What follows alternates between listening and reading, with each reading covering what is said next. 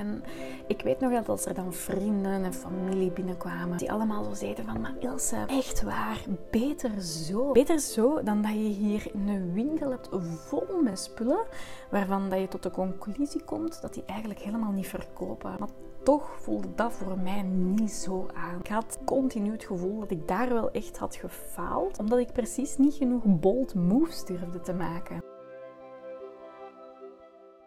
In de wereld van de online coaching heb je heel veel coaches die zeggen van ja, wij zijn er voor alle soorten ondernemers. Wij zijn er voor de ondernemers die focussen op diensten, maar ook voor de productondernemers. Het is niet waar dat je een opsplitsing moet maken voor die twee, want mijn tips werken voor beide.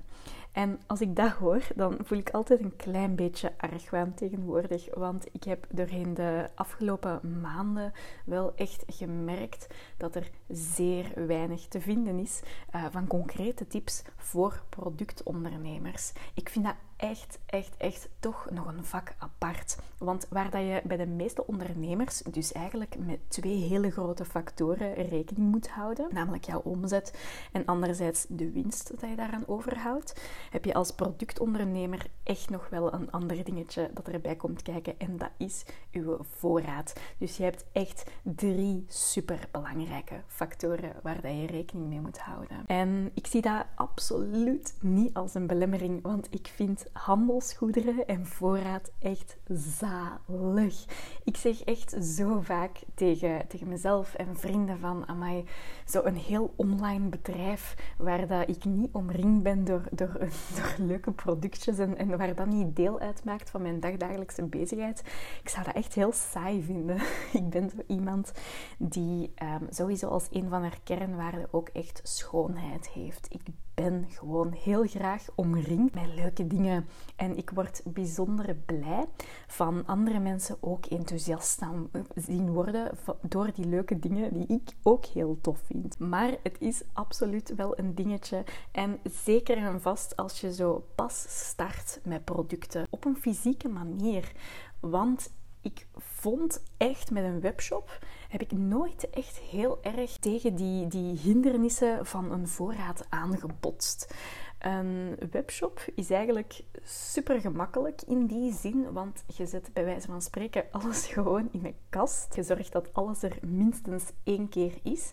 En wanneer je op je website scrolt of terechtkomt als klant, dan lijkt het alsof je alles hebt. En dan voel je echt bijna de overvloed langs alle kanten van het scherm spatten. En dat is gewoon niet meer zo. Dat is veel moeilijker in een fysieke winkel. Dan kan je het jezelf eigenlijk niet permitteren om van alles maar één stuk te hebben. Want je wilt echt gewoon veel meer kunnen, kunnen presenteren. Het gebeurt zo vaak dat ik uh, mijn favorieten echt op een stapel leg, waar dat ik dan echt 20 stuks, 30 stuks van op voorraad heb, soms zelfs veel meer. Wanneer er een klant in de winkel staat die mij om advies vraagt en ik ga onmiddellijk naar mijn favorieten, dan kan het dus echt zijn dat andere klanten die op dat moment ook in de winkel staan, zo met een half oor aan het meeluisteren zijn. En dan merk ik soms dat uh, klanten die ehm, aan de kassa komen, allemaal stuk voor stuk die een boek vast hadden waar ik net over aan het vertellen was tegen die ene klant. Dus het zou zo zonde zijn. Je zou op alle manieren eigenlijk verkopen en klanten mislopen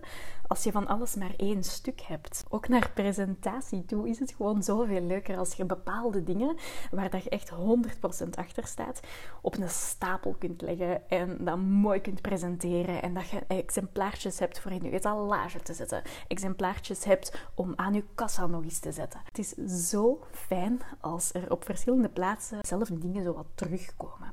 Maar dat kan natuurlijk niet als je maar één stuk op voorraad hebt of zoiets.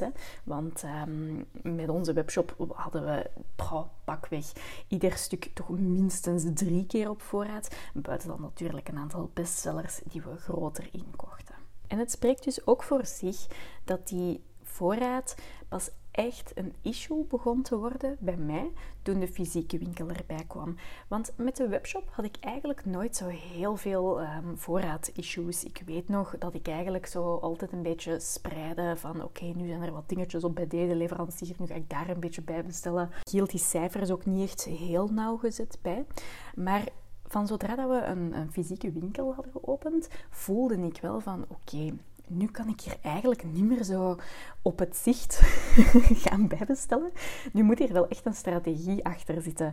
En daar mogen echt geen fouten mee gebeuren, want dit is zo'n belangrijk element van onze onderneming. Dit moet eigenlijk tot in de puntjes echt goed zitten. En ik ben zo enorm veel research gaan doen. En ik heb heel hard zo zelf Excelletjes liggen maken en dingen liggen uitcijferen. En heel hard liggen berekenen op basis van ehm, hoeveel onze gemiddelde marge is op een product. Um, hoeveel voorraad dat ik eigenlijk zou nodig hebben. En, en wat dat bijvoorbeeld een inkoopbudget is. Maar daar is bijzonder weinig rond te vinden. Dus ik ging al snel een beetje improviseren.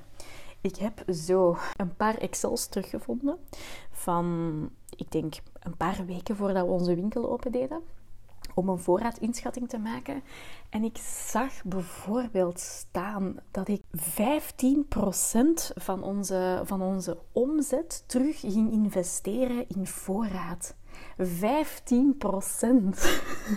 What was I thinking?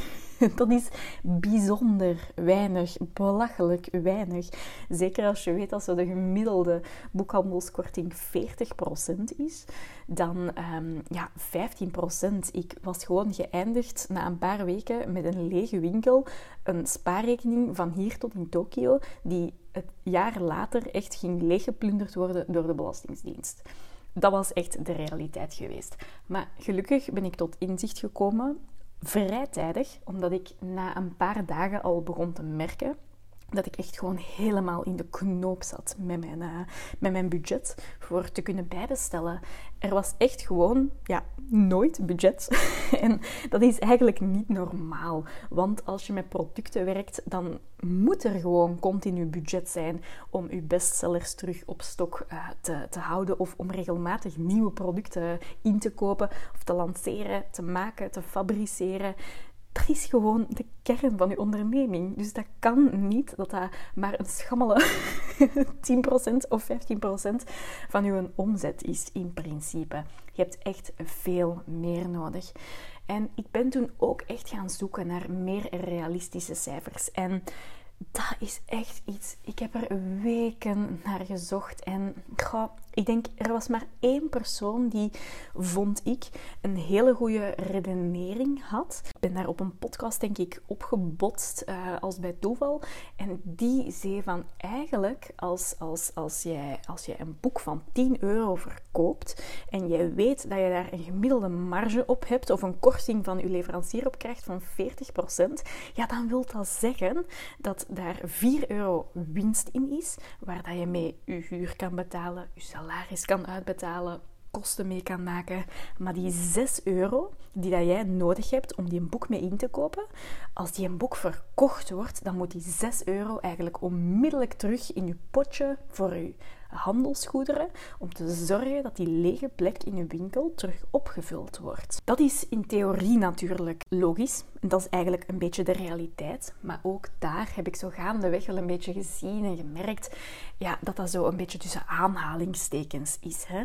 Want gedurende de, de drukste periodes van het jaar, of de periodes waar we het meeste omzet behalen, is dat inderdaad zeer belangrijk. Dat die, dat die, dat die 6 euro meteen terug de winkel ingaat om, om nieuwe handelsgoederen mee te, mee te kopen.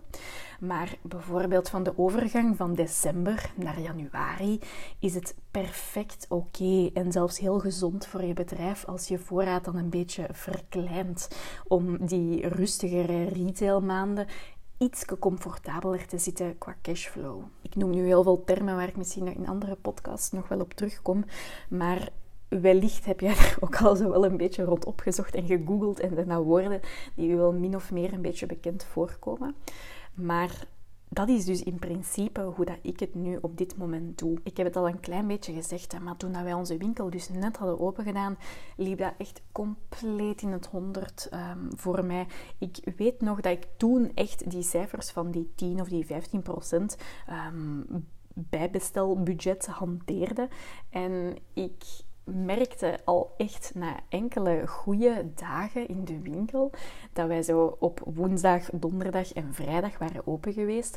En dat ik echt zo keek naar mijn voorraad zaterdagochtend en dacht: shit, ik heb hier echt echt niet meer genoeg goederen voor een drukke zaterdag mee te overleven. We hadden bijvoorbeeld dan geluidenboekjes die supergoed werken voor de babytjes en de peuters. Die waren bijvoorbeeld allemaal op. We hadden nog alleen maar flapjesboeken of alleen nog maar schuifboekjes.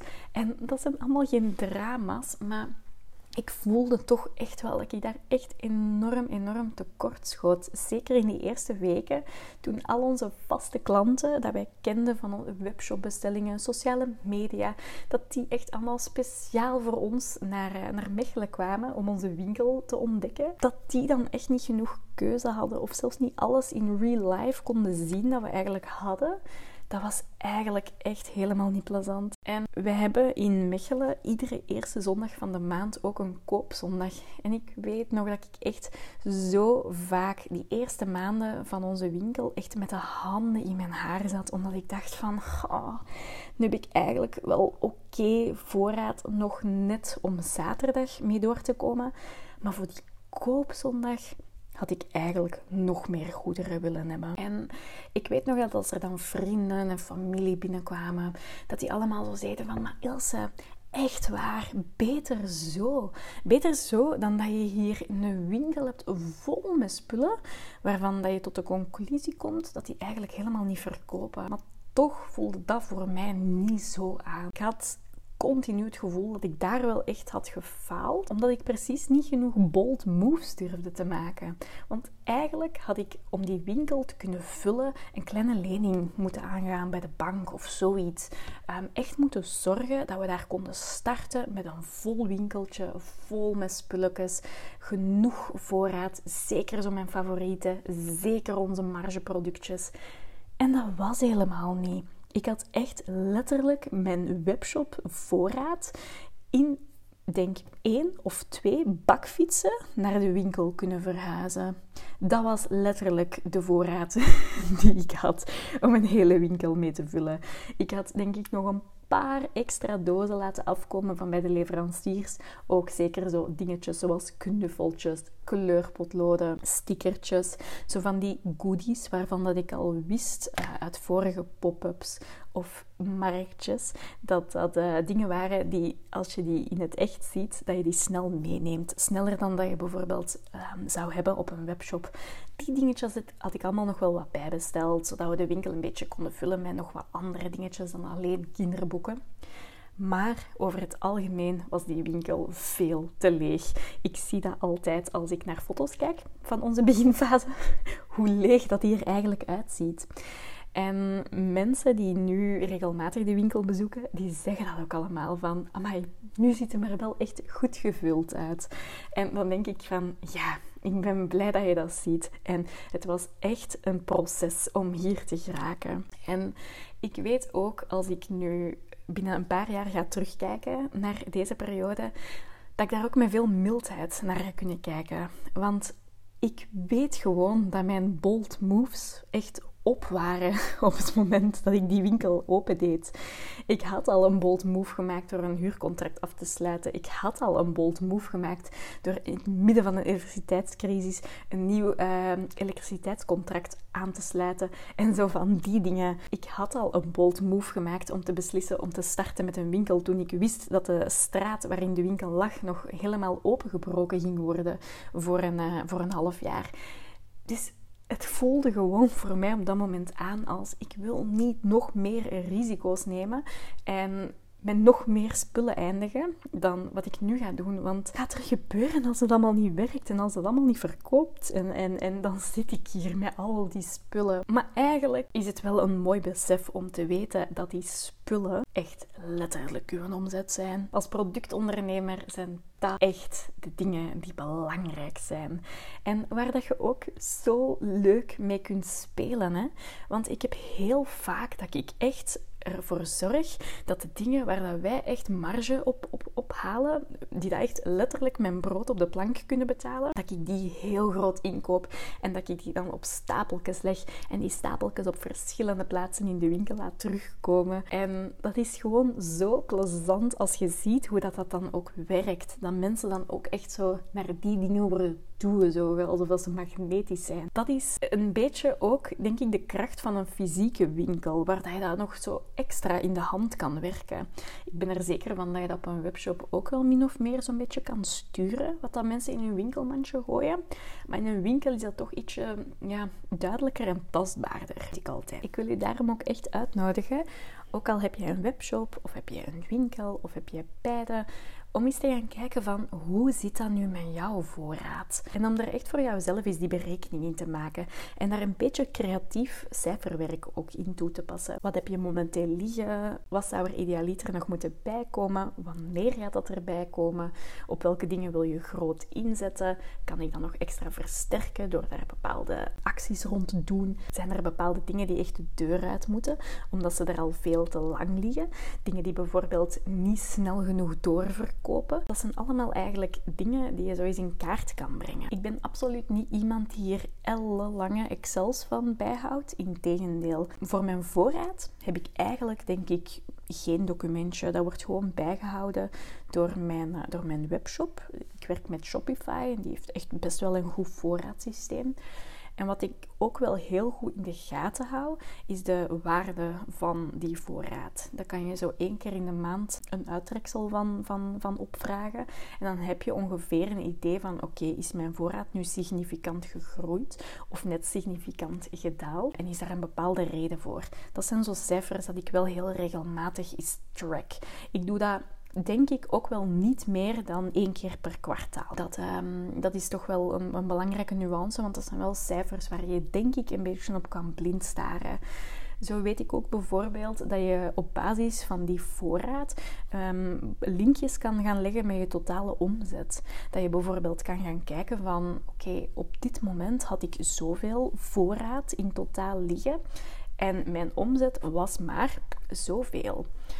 En wat is daar dan de reden voor? Is daar een rechtstreeks verband voor? Dus mensen die het echt voelen kriebelen om hiermee aan de slag te gaan, dat zijn hele belangrijke linkjes dat je ook kan, ehm, kan maken en waar je ook parallellen tussen kan gaan leggen. Maar wat ik zelf voor mij ook een hele belangrijke vind, en dat is eigenlijk iets dat ik vooral een beetje op gevoel doe, is gaan kijken naar zo, wat is nu het doorverkooppercentage van sommige producten. Want er zijn bijvoorbeeld bepaalde artikelen in mijn winkel en op de webshop die ik echt op wekelijkse basis heel veel moet bijbestellen.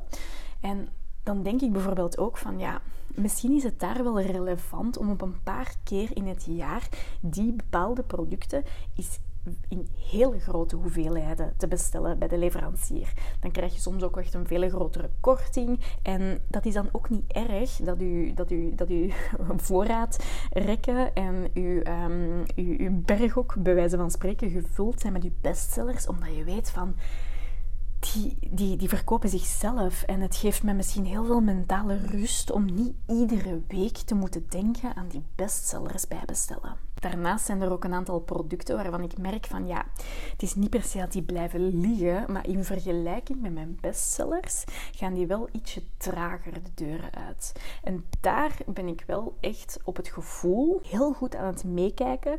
Dat doe ik denk ik één keer per maand naar wat zijn nu zo van die producten die ietsje trager doorverkopen, maar die ik wel echt heel erg in ons aanbod wil houden, omdat die ons merk enorm versterken. Of omdat ik vind dat die een niche um, invullen waar bijvoorbeeld, waar ik zelf heel veel belang aan hecht, dat we die niche kunnen bedienen. En wat zijn producten die niet snel genoeg doorverkopen, omdat ze bijvoorbeeld misschien toch niet echt bij onze ideale klant passen, of omdat ze misschien een beetje te, te, te moeilijk zijn, omdat ze nog wat meer uitleg nodig hebben, omdat dat ze misschien echt gewoon op een slechte plek staan. Of met een webshop, omdat ik hem bijvoorbeeld niet in een bepaalde categorie heb ingedeeld. Dan heb ik echt regelmatig voor dat ik denk van, tja, dat is nu een boek en in de winkel verkoopt die supergoed. En ik vind die zelf fantastisch. En dan kijk ik zo van, ja, Uiteraard, die is gewoon niet te vinden op onze webshop, want die staat en niet op leeftijd gesorteerd, die staat niet op thema gesorteerd, die stond niet bij de nieuwe producten, die staat letterlijk nergens. Mensen konden die alleen maar vinden als ze echt specifiek zochten op die titel. Dus dat zijn ook zo van die, van die domme foutjes waar dat je soms uh, op terecht komt en die er wel zo verdoken voor kunnen zorgen dat een product bijvoorbeeld niet de verkoopcijfers haalt dat het zou moeten halen. En daar ben ik echt heel, heel, heel strikt in en streng in. Als ik merk dat er zo'n producten tussen zitten, eh, dan haal ik ze echt gewoon uit het aanbod. Of dan haal ik ze uit het aanbod op een bepaald moment van het jaar. Want om nu een voorbeeldje te geven, de leesboeken. Daarvan heb ik echt gemerkt, mensen komen niet naar Studio Dosti voor leesboeken te kopen. De enige moment dat leesboeken verkopen is in de zomervakantie. Als mensen zo een beetje aan het kijken zijn van, oeh, binnenkort start het schooljaar weer. We moeten misschien toch terug een beetje beginnen leesboekjes inkopen, zodat we voldoende kunnen oefenen op het lezen. Dat is een moment waarop ik ons aanbod leesboeken bijvoorbeeld kan lanceren, voor twee maanden in de picture kan zetten en dan kan dat eigenlijk uitverkopen. Dan haal ik die titeltjes terug één voor één van de website, uit de winkel en dan is die plaats in het rek weer echt beschikbaar voor bestsellers. Ja, dat doe ik eigenlijk een beetje op gevoel. Niet heel onze, ons voorraadbeheer draait op gevoel. Integendeel, alles is echt heel hard op cijfers gebaseerd en zo. Maar die dingen, ja, dat voel ik vaak wel echt een beetje aan. Van, die krijg ik echt gewoon niet zoveel aan de kassa als andere producten.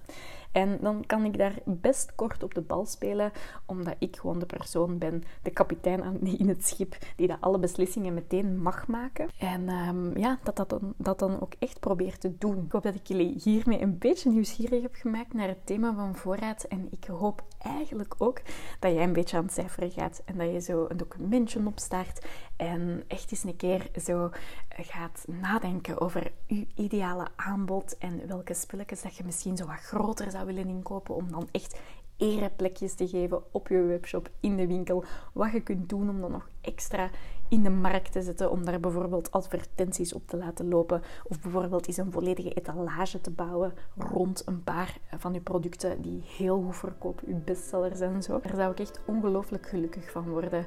Dat die voorraad en die producten, dat die eindelijk echt een beetje de aandacht krijgen dat ze verdienen als je in een productbusiness zit. Thank you.